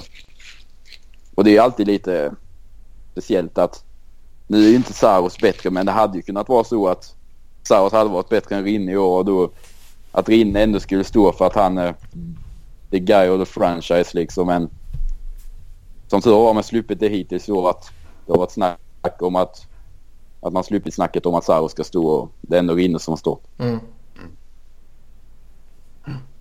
Mm. Ja, det är en intressant situation där faktiskt. Sen backbesättningen då, hur har man klarat sig utan Ellis? Var hade ju en jävligt bra säsong i fjol. Ja, han är ju min favoritspelare men... Eh, Är det skägget eller? Nej, jag, jag vet inte vad det är någonting med han. Men eh, sen så har det ju märkts tydligt med att man inte kunnat... Det var ju samma grundsten förra året att man rullar ju alltså topp fyra paren 25 minuter på match och sen så Ted och Irvin och Webber typ 10 minuter var. Vem av de tre som nu satt på läktaren spelar ju inte och det har ju märkts tydligt då när Gerard var inne så matchas inte han ganska hårt. Han fick sina 12-13 minuter. Man försöker sätta Emilin i en ganska stor roll. Han ska spela med Subban 20-22 minuter vilket inte alls har funkat. Och frånvaron av eh, Ellis har ju märkts väldigt tydligt. Och man har parat ihop Ekholm och Josie istället för att man tycker att de kompletterar varandra bättre och försöker få ett alltså ultimat första backpar. Sen att Subban bättre kan leda vem man nu har fått spela med som varit Emil i ett andra backpar. Sen tredje har ju fått ännu mer istid än förra året och det är ju sämre än förra året i år till och med. Så det märks tydligt att Ellis är borta. Jag får ju lite vibbar mot uh, Philadelphia för några år sedan när de hade den här eh, extrema topp 4 med Pronger, Timonen, Carl och Coburn. Och sen mm. de två, tre man hade där bakom var ju klasskillnaden så jätteenorm liksom. Lite samma grej är det här ju. Och så kommer man till final och så torskar man tyvärr den finalen och sen så ska man försöka ta in en, en femte back som ja, på ett rätt stort kontrakt respekterad snubbe och sådär. Och Flyers plockade in Metsaros och Preds här tog in Jamelin. Och jag var ju suspekt till honom när, när man plockade in honom. Dels kom det ju lite rykten det här att okej, okay, är han inplockad som femma? Eller han är inplockad ja. för att gå in i topp fyra för att man typ ska offra Ekholm för att få in Matt Duchene som de snackade om då. Mm. Och han var ju på tal, ska vi säga, både Ellis och Ekholm var på tal att eller Colorado ville ha ut han i denna dealen med när vi fick Tarvis då att de var på tal där men att eh, Paul verkligen inte ville ge upp någon av sen topp fyra back eller förstahundsval. Nej, och det är ju jävligt sunt. Alltså, det, ja, det är ju, och som du säger, man var ju orolig där med när Emil som ändå hyfsat respekterad liksom och gjort, ja, han var ju inte jättebra i Montreal men ändå gjort ganska många säsonger där och så som man var rädd att han skulle bli en byggsten för topp fyra nu. Mm. Det, han håller han är ju knappt ens en NHL-back längre och framförallt inte i Nashville där man har Alltså alla andra är väldigt spelskickliga men ändå bra defensivt. Tvåvägsbackar som alltså, gillar att följa med upp i anfall och ganska anpassat till hur laget byggt. Men han är ju precis tvärtom i klart man ska ju ha olika backtyper men man kan inte ha någon som är helt eh, motsatsen till hur laget vill spela och det är byggt. Han faller ifrån där. Ser man gång på gång på gång att han är en helt annan typ. Mm. Sen om vi tittar på forwards då. Hur har toppspelarna sett ut och Hartnell har han gjort det bra i comebacken och saknar man Fischer. Och eh, sen eh, ge oss några ord om Bonino och hur han har varit också. Alltså, toppspelarna ser väl ut som förra året med Johansson. Ja, han har ju förlorat, alltså vad ska man säga, sin skottmentalitet sen han kom från Columbus. Så där gjorde han 26 och 33 mål sina två sista säsonger. Nu har han gjort åtta mål på de 40 dryga matcher han spelar det året han kommer och förra året 14 och nu 0 på 15 matcher. Det är ju... Han är väldigt lättläst. Han söker passningen hela, hela, hela tiden i första läget och många backar har ju lärt sig det och skärmar bara av och han går aldrig på skott själv. Och, han har ju ganska mycket kvar att ta av. Och då hade han ju en skada förra året. Jag vet inte hur mycket den påverkar för han är långt ifrån lika bra nu som han var i, innan han gick sönder förra året. Mm. Sen övriga, alltså Forsberg och Arvidsson, de ser väl ut som förra året. När Forsberg vill alltså. Han är ju... Han kan ju ta över match helt. Han är ju snabb, han är stark och framförallt han täcker pucken. Han, i tre mot tre när han kan köra runt varv efter varv och göra vad han vill. Det, han tar över matcherna när han väl vill och Arvidsson är väl så bra som han var förra året om inte ännu bättre. Han blir bra av att han lägger allt på mål och spelar enklast väg hela tiden och gör ett hundraprocentigt jobb och att då ändå gör 30 mål förra året och nu är på väg med 30 igen. Det är ju en bonus och det ska han ju göra sett i kontraktet han fick nu med. Mm. Det som är lite fascinerande med Forsberg är att han har inlett de två senaste säsongerna tämligen uselt sett till produktion. Ja, ändå, inte spelmässigt. Uh, men ändå landar på 30 mål liksom. Och mm. nu har han inlett säsongen med att pytsa rätt bra liksom. Åtta. Åtta har han hittills ja. ja. Och ja, det känns som att han borde ha förutsättningarna nu för att spräcka sitt personliga rekord liksom. Ja, han har väl 33 mm. som är delat Arnott som bästa någonsin i Nashvilles historia. Så det är väl... Han har ju bara 25 kvar så det bör han väl klara på de 70 matcher som är kvar. Men han har ju gått neråt. Alltså första 6-7 matcherna var ju helt dominant i spelet med när de spelade med Jofas-kedjan med Arvidsson, Johansson och Forsberg. Men nu när han har fått gå ner och spela med... I natt var det väl Smith och Järnkrok han spelade med i en andra kedja. Det var ju inte... Det är ju ingen omgivning som gör att han lyfter. Men nu får han ju inte Turris med så det lär ju bli som du sa att man delar på dem och sätter Arvidsson med en och Forsberg med en och Fiala med en. Så då kommer han ju få sin center som han Alltså han är ju inte beroende av en center som många andra. Om man tar Neil till exempel. Han är beroende av en center som mm. matar han med lägen. Forsberg skapar ju ändå lägen på egen hand men man kan inte räkna med att han under en hel säsong ska skapa lägen på egen hand och då ändå komma upp i 35-40 mål. Nej. Utan det underlättar att ha någon som... Alltså att han både kan skapa lägen på egen hand och i kombinationsspel med någon spelskicklig och bra center. Vilka par, eh, om vi förutsätter att det blir tre par, vilka par skulle du föredra? Eh, ja, Arvidsson och eh, Bonino tror jag för det är ändå två Arvidsson, Fjall om man tar han från början, han är mer beroende av en spelskicklig och bra center. Sätter han med Johansson då som gillar att ta på sig alltså markering och så. Fjalla behöver isyta för att kunna få upp sin skridskoåkning och utnyttja sin mm klubbteknik och för att skapa lägen. Han är ingen som skapar lägen ur trånga situationer. Och då spelar han med en Bonin och det är ju... Han är ju mer av en sargspelare som gillar att gröta och komma in på mål och kanske spela upp på back och driva kasse på så sätt. Och sätter man då Fiala med Johansson så tar Johansson åt sig markering och motspel. Alltså, så får ju Fiala den isyta han behöver. Ataris Turris och Forsberg det är ju två ganska, alltså inte identiska spelare men båda har lite att de bra, både bra målskyttar och bra spelsinne. Så alltså, de tror jag skulle funka om man sätter en Hartnell med dem bredvid som inte är så beroende av mycket puck utan han kan gärna... Han är nöjd om han får någon retur framför mål och så. Han är inte beroende av att vara involverad i massa spel och sånt. Jag är jävligt imponerad av Hartnell faktiskt. Alltså han var ju ja. inte fräsch när uh, Flyers skickade bort honom liksom.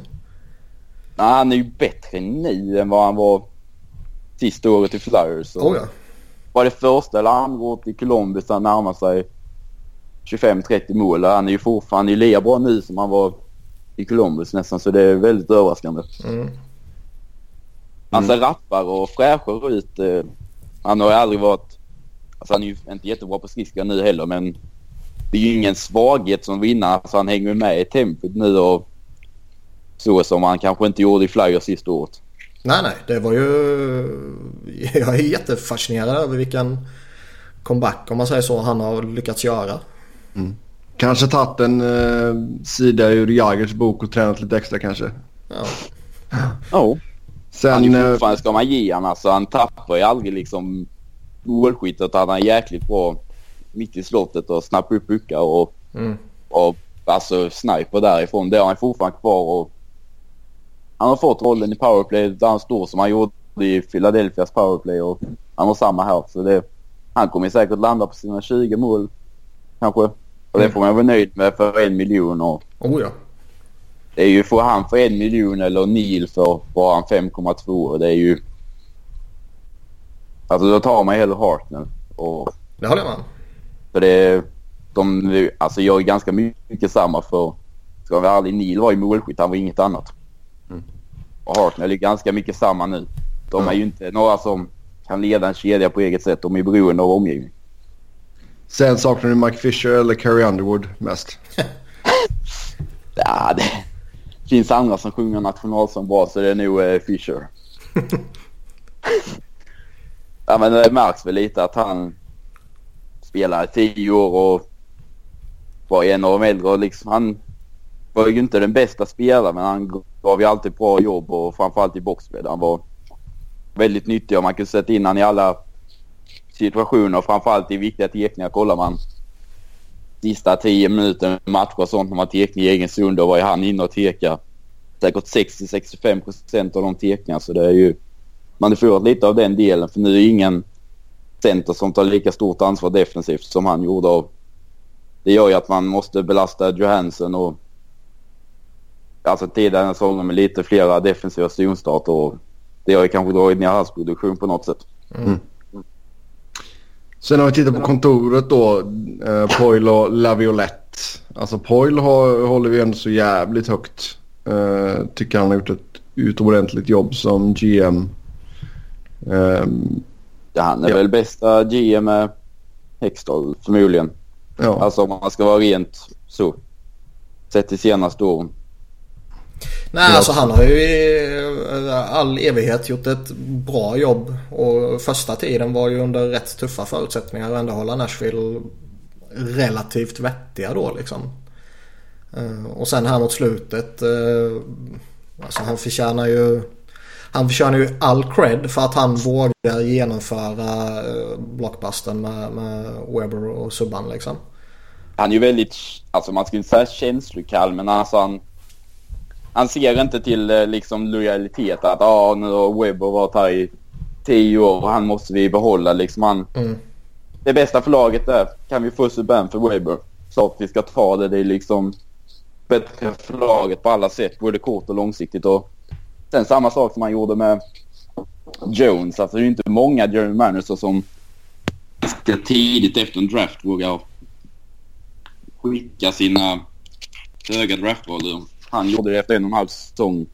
Och han tog Jones på en fjärde plats i draften. Det är ändå ganska vågat att offra en så stor talang tidigt. Ja, lyckas trada till sig två typ första centrar. Eh, Ja. I en liga där det nästan är omöjligt att trada till sig första centrar.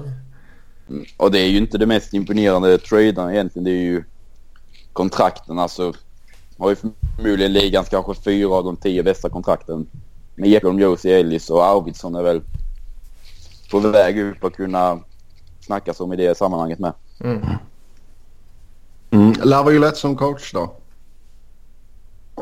Ja, Niklas snackar alltid om sin tredje års med Laviolette att det, det föll av då. Det var väl på väg lite åt det hållet förra året där.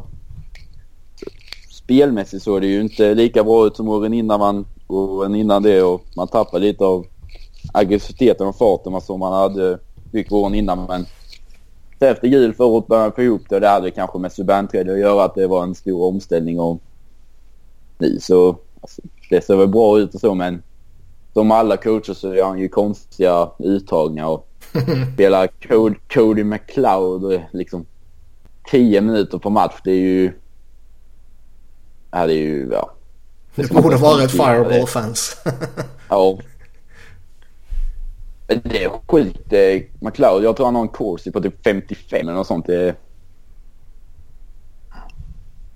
Mm. Fattar inte hur han fått det men eh, ja. Nej. Och sen, alltså det finns ju mycket det. Alltså laguttagande och så att han matchar. Klart Webber och Irvin är ju mycket sämre men det underlättar ju inte för dem heller att man blir sitter bänken i fem minuter, alltså fem minuter speltid och sen ska kommer in och gör ett byte och sen är du borta fem minuter igen. Det blir ju dåligt för både dig och de andra att när du kommer in du är kall och du vågar inte ta för dig för du är rädd att göra misstagen och du vet att ja, nu är de inne med svagheten liksom. Det, Nej, och det blir liksom ingen rytm i det heller. 15 minuter kanske. Nej, ja exakt. Det är, ja. Men alla coacher är sånt. De har ju sina favoriter. Glad i alla fall att eh, Salomak är tillbaka uppe. Skadad hela förra året. Är ju en mm. favorit så det har ju dragit ner lite av McLeods speltid. Har gått in och tagit den positionen. Och det ska man ju säga, det är väl en av ligans bästa fjärde kedjor när de spelar ihop Sissons, McLeod och Watson. Den, eh, de spelade ihop i Milwaukee för två år sedan och var då en första eller andra kedja där och nu är de uppe och har köpt rollen som fjärde kedja och spelar ihop och spelar på samma sätt och kan både spela fysiskt och göra poäng och vara defensivt. Alltså Preds är jävligt roliga att titta på tycker jag. Det var ju lite tugg i, under slutspelet där det var vissa folk som gnällde över att de var tråkiga och de spelar tråkig hockey och så här men... Det var ju Chicago. Vad sa du? Det var Chicago som gjorde det. Ja, jag, jag fattar liksom inte var det kommer ifrån. Laviolette tycker jag generellt spelar en rolig hockey och Nashville har ju liksom utan problem kan ju rabbla tio namn som är jävligt roliga att titta på. Ja. Så han, har ju, han är ju positiv alltså hockeycoach. Alltså han insett att du vinner matchen, har pucken och skapar lägen på egen hand och försöker hela tiden föra spelet och det, det är ju den hockey man vill se och den som jag tycker är rolig i alla fall. Sen mm. att man i, när man spelar borta med Chicago som har vunnit tre av de sex senaste åren att man går ut och försöker stänga mittzon i de två första matcherna och kanske ställa upp ett styrspel. Vad fan, vilket lag skulle inte gjort det? Bjuder man upp dem till ett eh, run and gun-spel liksom med spel tre med två och fram och tillbaka. Ja, då åker ur med 4-0 i matchen istället för att vinna. Du får ju anpassa dig till vad du möter och då får skit för det. Det är ju... Ja, då får de gnälla. Ja, ja det är sant. Ja, vi går vidare och ska snacka lite om matcherna i Stockholm här då, då eh, Ottawa och Colorado möter varandra back-to-back -back i Globen. Eh, någon av er som ska på matcherna? Nej. Nej. Jag tycker väl att... Eh... Så intressant var det med de matcherna. Vi Nej, går vidare. alltså skulle jag bott i Stockholm skulle jag väl kunna tänka mig gå på dem. Men det här är väl de minst intressanta eh, Sverige-matcherna. Som de har, alltså NHL-matcherna i Sverige då, som de har uh, lagt här. Ja. Vad ligger biljettpriserna på? Eh, ingen två, aning. 2000 ja. 2000? Mm. Jag såg någon sån tävling på Facebook. Eh, där kunde vinna två biljetter med värde för 4 och 4. Herregud. Så det är en bit över 2000 stycket för de biljetterna. Mm. Uh, nej, alltså jag skulle inte betala pengar för att vet, ta mig upp till Stockholm och bo i Stockholm och gå på en eller två matcher när det är de här två lagen. Nej. Uh, det är väl typ Erik Karlsson som lockar att se han live men det är typ det enda. Nej men han är ju cool och jag menar det finns ju några roliga... Duchene är ju, Duchene är ju cool nu när han har kommit och... Ja det, är, det var lite som jag sa när vi spelade in med Robin. Det finns ju unga talangfulla... Twist. Ja, och det finns ju Colorado ganska mycket ungt intressant att kolla på med Jost och Kerfoot och Rantanen och McKinnon. Det är ju roliga spelare men det är ju inte att du betalar 50 mil upp och 50 mil hem och betalar 10 000 totalt kanske för det. Nej, exakt. Och... Eh, alltså att de skickar hit Ottawa eh, med Erik Karlsson, det är väl tämligen givet. Men... Och så Landeskog med. Ja, med Colorado. Visst, de har väl ett, fortfarande ett relativt starkt fäste i Sverige här med tanke på Foppa. Och eh, visst, de har några svenskar sådär. Men det känns ju inte som ett lag man skickar iväg för att marknadsföra sig själv någonstans. Nej, och inte med Guy Boucher som coach. Eller här är han i Ottawa nu, men alltså Colorado med. Det är ju inte... Det kommer ju inte vara den roligaste hockeyn att kolla på. Okej, okay, så de billigaste, de billigaste biljetterna var 390 spänn. Uh, sen gick det upp till 755 och sen uh, närmare 1 och 2. Ska tydligen finnas några biljetter kvar på Ö- övre långsidan. Och de kostar 1175 styck. Ja. Och det är ju tämligen... Ja, det är ju- Jag har suttit där något år och det är ju tämligen värdelösa platser liksom. För de, Ja, jag satt de på. Rain, på Rangers Ducks. Liksom, då var jag, jag var det no- 11, då var jag 13 år. Men det var ju inte så att man fascinerades hur bra det var då ändå. Nej, och eh, jag tycker de här matcherna de blir också ofta liksom överglorifierade. Man kommer hit och så är man här några dagar och sen ska man spela några matcher och sen sticker man så fort som möjligt. Och, eh, det, vi har pratat ofta om typ OS när det ligger mitt under säsongen. Att man flyger till en ny tidszon, har några dagar på sig och sen blir det jävligt tråkiga matcher. Det händer ingenting och sen vinner Kanada. Eh, Ja. Lite samma grej här. Man flyger över fort. Det blir lite happening. Det blir inga jätteheta matcher och sen så sticker de igen. Och så avgör Landeskog en och Karlsson en som framställs som, som ja, Karlsson är ju kanske med Landeskog som världens bästa spelare. Exakt. Eh, jag hoppas ju verkligen att som när jag pratar med Robin att Duchene gör någonting. Eh, Alltså mål menar jag. Att han kommer Jo. förnedra Colorado genom dubbelfucken. Jag tyckte han Det skulle stänka inte. Landeskog med en, eh, ett överfall. Sucker punch. Ja, typ. Det, det känns ju inte som att det kommer hända. Han kommer inte göra någonting verkligen. Men det vore skoj om man gör mål och så blir det. Alltså det är ju den enda twisten jag känner på det här mötet. Just den traden. Att den skedde Ja, bara att det går några in och blir ett timmar innan. där, liksom. Ja, den skedde bara några timmar innan de ska resa. Och sen möter de varandra i Sverige. Liksom. Det, det är ju en liten twist till matchen. Annars är det ju jag är jävligt otaggad på de här matcherna. Och Alltså. så försöker, och så försöker de säga liksom Ja, nu är det ju poäng som står på spel mitt under säsongen. Ja, det var poäng som stod på spel när vår premiär var med. Det är väl två poäng då, precis som nu. Ja, verkligen. Och förlorar du i början av säsongen ska ju få flera effekter med att ja, vi kanske tradas för ni måste göra panikåtgärder och coachen sparkas. Men förlorar Mm. du två matcher mitt i säsongen är ju inte samma. Det är ju mer alltså, uppmärksamt om du förlorar dem i början än nu. Oh, ja. Men om vi skulle få göra våran drömmatchup då i Sverige. Eh, vilka lag tror ni hade varit bäst att ta hit? Eller ta till Sverige? Philadelphia, Pittsburgh. Alltså-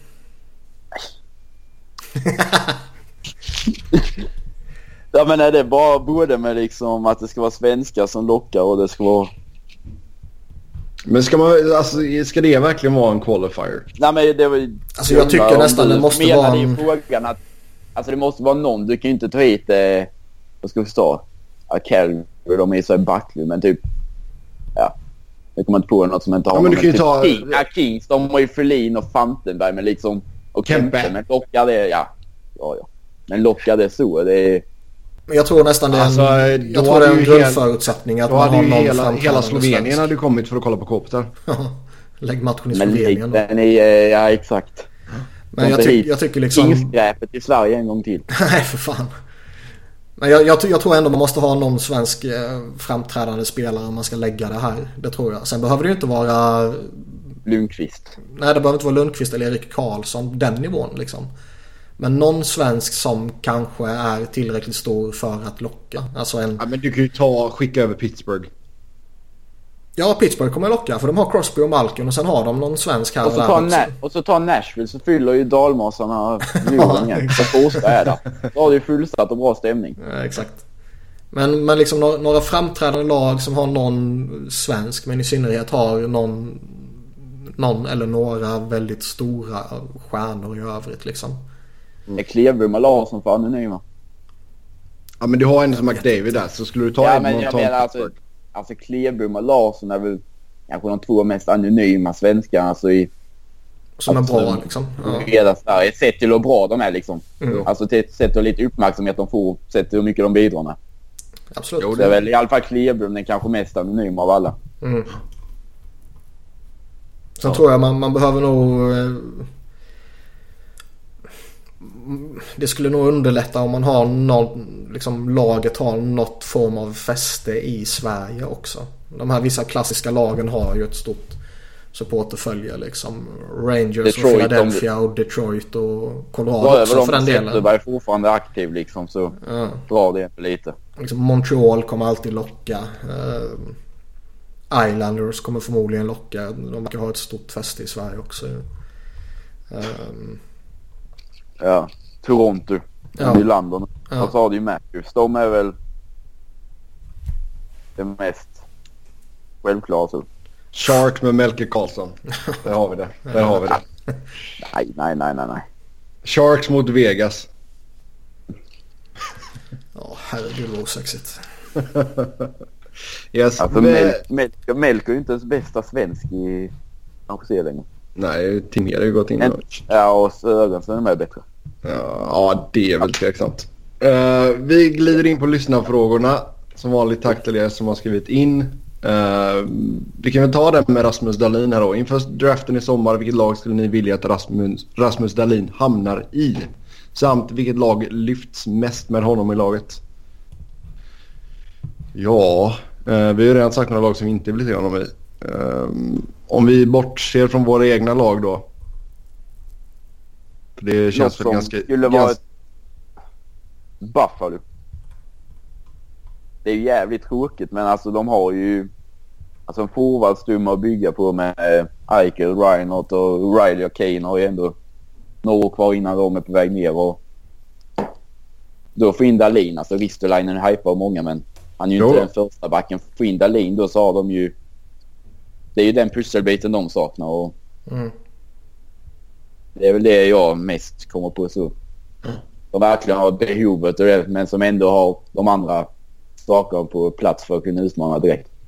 Jo, det känns väl som ett ganska bra alternativ. Jag tror han skulle han gå in i ett lag som typ Boston tror jag skulle kunna bli åka av också. Det hade varit ja. äckligt, äckligt skoj att se Dalin och McAvoy. Ja, det blir ju Carl. Um, om vi kollar i Western. Alltså... Alltså Edmonton är det som passar bäst men det är så tråkigt för de ska ju inte ha en. Nej. Men det är, alltså rent, alltså vad som saknas och så och vilka som kan utmana frågan. Alltså då är det ju fan. Liksom sätta han i Nashville, ja då kan han ju utmana men det är ju inte så att han har någon bidragande faktor till att han kan utmana. Nej. Alltså han hade ju passat bra in åldersmässigt i Arizona. Så kan de trada Olle Ekman Larsson? Uh, frågan är om man ens gör det även om man skulle få Dahlin. Ja, gissar. Det tror jag inte. Uh, vi kan ta lyssnarfrågan om Oliver Ekman Larsson. Tycker ni att OEL är värd all den uppmärksamhet och stjärnstatus som han har över sig med tanke på hur ojämn och nonchalant han är på isen? Vad bör Coyotes göra åt honom?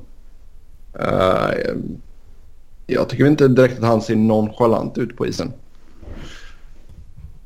Nej, alltså det är klart. Alltså många andra alltså, som rankas som toppspel i ligan och ändå lyft sina lag mot andra höjden vad Ekman Larsson lyckas med sen och varit ombyggnadsfas år efter år efter år. Och, ja, det har inte varit en gynnsam situation för honom. Det har det verkligen inte. Nej, det kan, man ju, kan man ju lugnt säga. Nej, det var, var de i konferenssemifinal när de hade Smith eller något sånt ja, första det är, det är ju några år sedan typ. Ja, det är ju typ 2012 med Kings eller vad. Ja. Det är ju, det är väl det de nått som framgång men alltså, lite överhypad är nu ändå. Tycker jag. Ah, det vet jag inte om man är. Alltså, jag, nu vet inte jag exakt hur uh, det ser ut hem på hemmaplan där. Liksom, hur mycket uppmärksamhet och han är världens Sådär, bästa man... spelare enligt Smålandsposten. Ja okej, okay. ja men det, det kan jag väl köpa att Smålandsposten tycker det. Nej. Alltså grejen att Ekman Larsson är ju en uh, utomordentligt duktig back. Top 20 back i ligan. Ja. Uh, skulle mer än gärna ha honom i mitt lag och, och, och allt sånt där. Men uh, ibland känns det som att han hypas upp uh, på, på liksom på en nivå där han inte är av någon anledning som är jävligt svårdefinierbar. Typ för att han är en eh, inte underskattad men kanske undervärderad på något sätt eh, spelare i ett bottenlag. Mm. Alltså han, han, är för bra för laget han spelar i om man säger så. Och, och har suttit på ett gynnsamt kontrakt och allt vad det innebär och, och Han nämns ju hela tiden som den här stora spelaren man borde gå efter. Och den Jo, men- nästa jo, stora men- spelaren men som kommer det tradas och sådana där saker. Det måste ju börja falla av att han ska vara det nu. Vad är han? 27 i år. 26 eller 27. Och ska skriva nytt kontrakt när han är 28, 29 och hur attraktivt kommer det kontraktet bli? Det är ju inte... Han borde ju inte vara den som snackar som att alla ska gå efter för att få sista boosten till att vinna nu längre. Sett till vad det kommer bli för effekter med kontrakt och vad du kommer att få offra förmodligen. Mm. Alltså det beror väl helt på. Alltså, går han in i en contender via free agency så tror jag det kan vara skillnaden på om du går in och vinner eller inte. Så pass högt håller jag honom ändå så. Men alltså att trada till sig honom kan vara, kan vara jobbigt för alltså Kan ju Arizona. kosta mer än det Det smakar. är ju, ja, det är en sån spelare som om du ska ge picks och prospect att det förmodligen blir mer än vad du får tillbaka. Alltså, och och ge liksom någon äh, spelare som redan är elit i utbyte liksom. Då är ju om laget skulle ha behov av en alltså back istället för en forward. Det är ju det som skulle vara i så fall. Jo. För alltså så högt som man håller honom i Arizona. Så Shaika gick ut och sa häromdagen bara liksom att... För det, det surras ju fortfarande om, om Ekman Larsson och att som du säger att det är ett lag, en spelare som lag borde gå efter. Men Shaika har ju sagt att jag har inte haft någon konversation om Oliver som har liksom varit mer än fem minuter liksom. Nej, sen, han är i en sån där situation nu som, som vi alltid brukar säga. Nu till sommaren så har han ett år kvar på kontraktet. Då ska hans framtid eh, avgöras. Antingen signar man honom eller så dumpar man honom. Mm. Eh, Jo, absolut. Jag menar, han har ju suttit på det liksom, guldkantat kontrakt, 5,5 miljoner cap hit. Mm. Eh, har ett år kvar som du säger efter den säsongen. Sen, ehm, sen är det klart att, alltså, och sen det har vi sett på hela Coyotes backsida här nu. Alltså man har haft problem att komma in i, i Tockets system efter att ha eh, liksom spelat under det här extremt restriktiva systemet som Tippet hade innan. och att han trots- de är. Liksom. Och att han, att han trots det har kommit upp i 23, och- 23 baljor liksom. Det, Det säger ju mer om han än någonting annat. Det är ju Mm. alltså bevis på kvalitet men ja. Sen att Men laget har problem samtidigt, här. alltså, Ja, kör du. samtidigt fick han ju, det var inga jättebra alltså, lagkamrater så, men han fick ju en roll där han spelade väldigt mycket powerplay och var den som skulle ta avslut. Så det är klart att det trillade in några puckar men det är ändå inte att man gör 23 mål med bara tur. Nej. han fick Nej, ändå gynnsamma alltså, matchningar och minuter för att kunna lyckas. Jo. Så det väger väl upp lite mot att han inte hade bästa alltså, forwards att kunna spela med. Men... Uh, Sen är det väl att nej. laget nu i övrigt haft lite problem. Det är väl inte kanske så konstigt. En ny coach, ny, ny taktik, nytt system. Eh, många nya spelare, många unga spelare. Lite skadeproblem på det. Eh, målvaktskaos. Och, och Ja, och många alltså- sådana här faktorer som gör att ja, skiten kan se jävligt lustigt ut.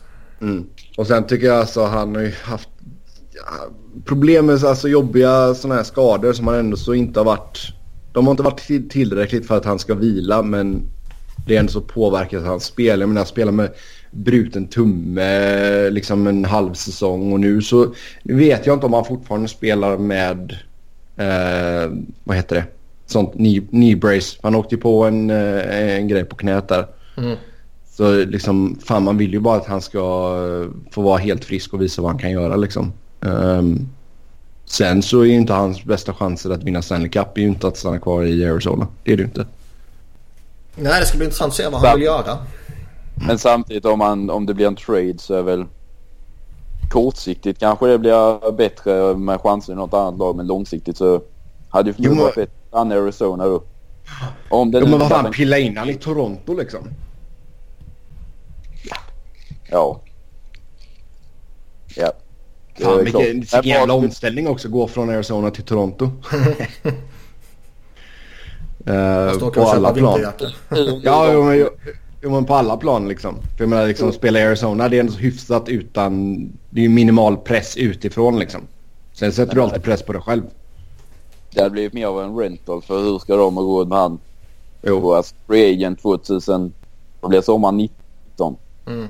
Det är samma år som eh, Marner och Matthews nya kontrakt ska kicka in. Mm.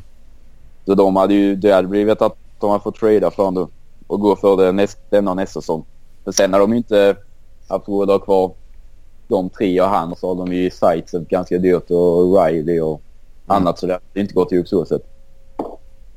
Nej, alltså jag vet inte. Alltså, om ni skulle förlänga hans kontrakt idag, vad tycker ni han är värd rent pengamässigt? En, en och en halv miljon upp. Ja, en och en halv, två miljoner plus. Ja.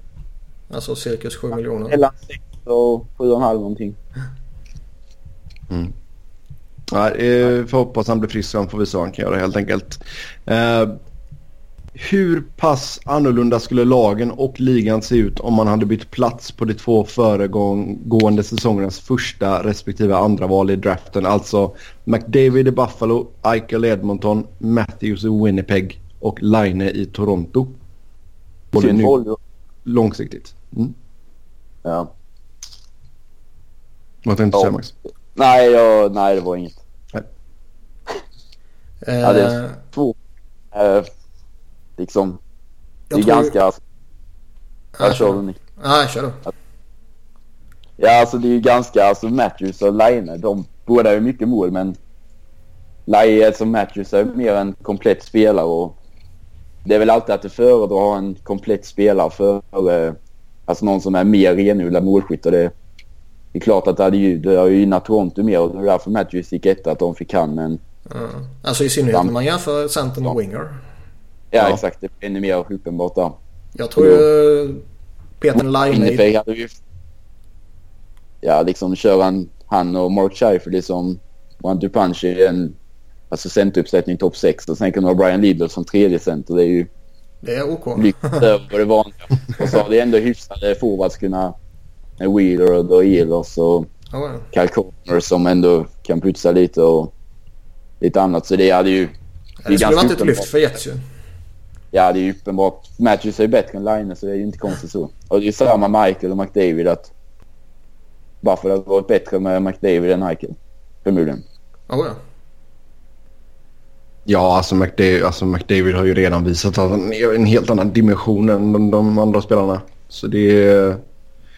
Eichel är riktigt, riktigt bra men han är inte på McDavid-nivå. Nej, det är bara Crosby som är där. Ja. Så... Um ja, det, det var en anledning till varför McDavid och Matthews gick där de gick. Ja. Helt ja. enkelt. Sen uh, varför har aldrig The Ultimate Journeyman Al Montoya fått ett erkännande som en bra målvakt? Ja, för han är väl högst medioker.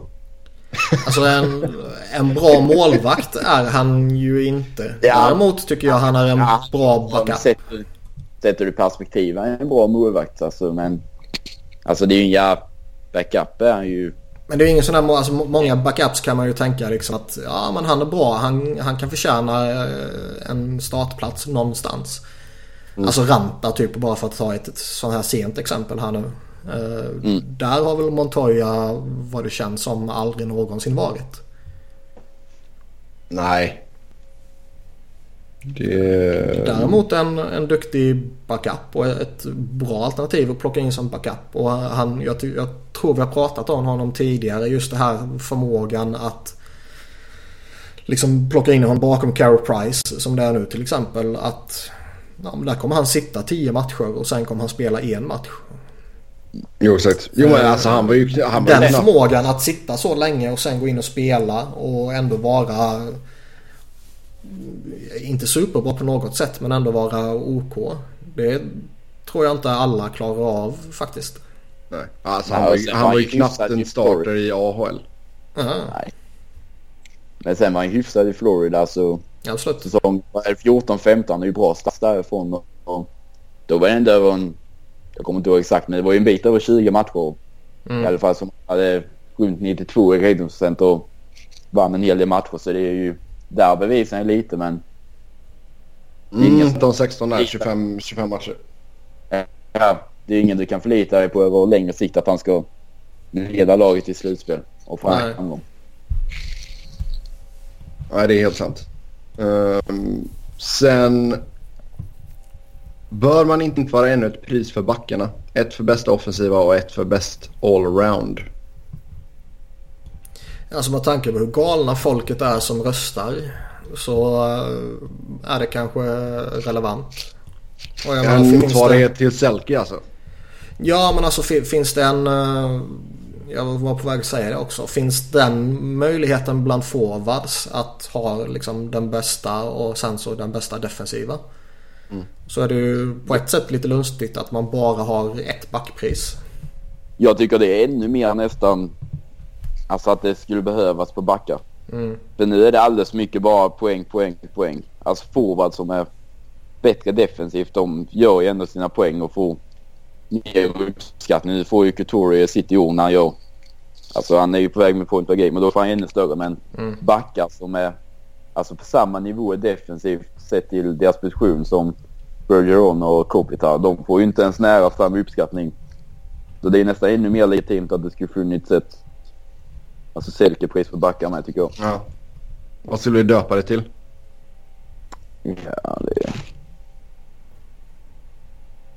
Finns det någon gammal storback som vi skulle kunna nämna detta priset efter?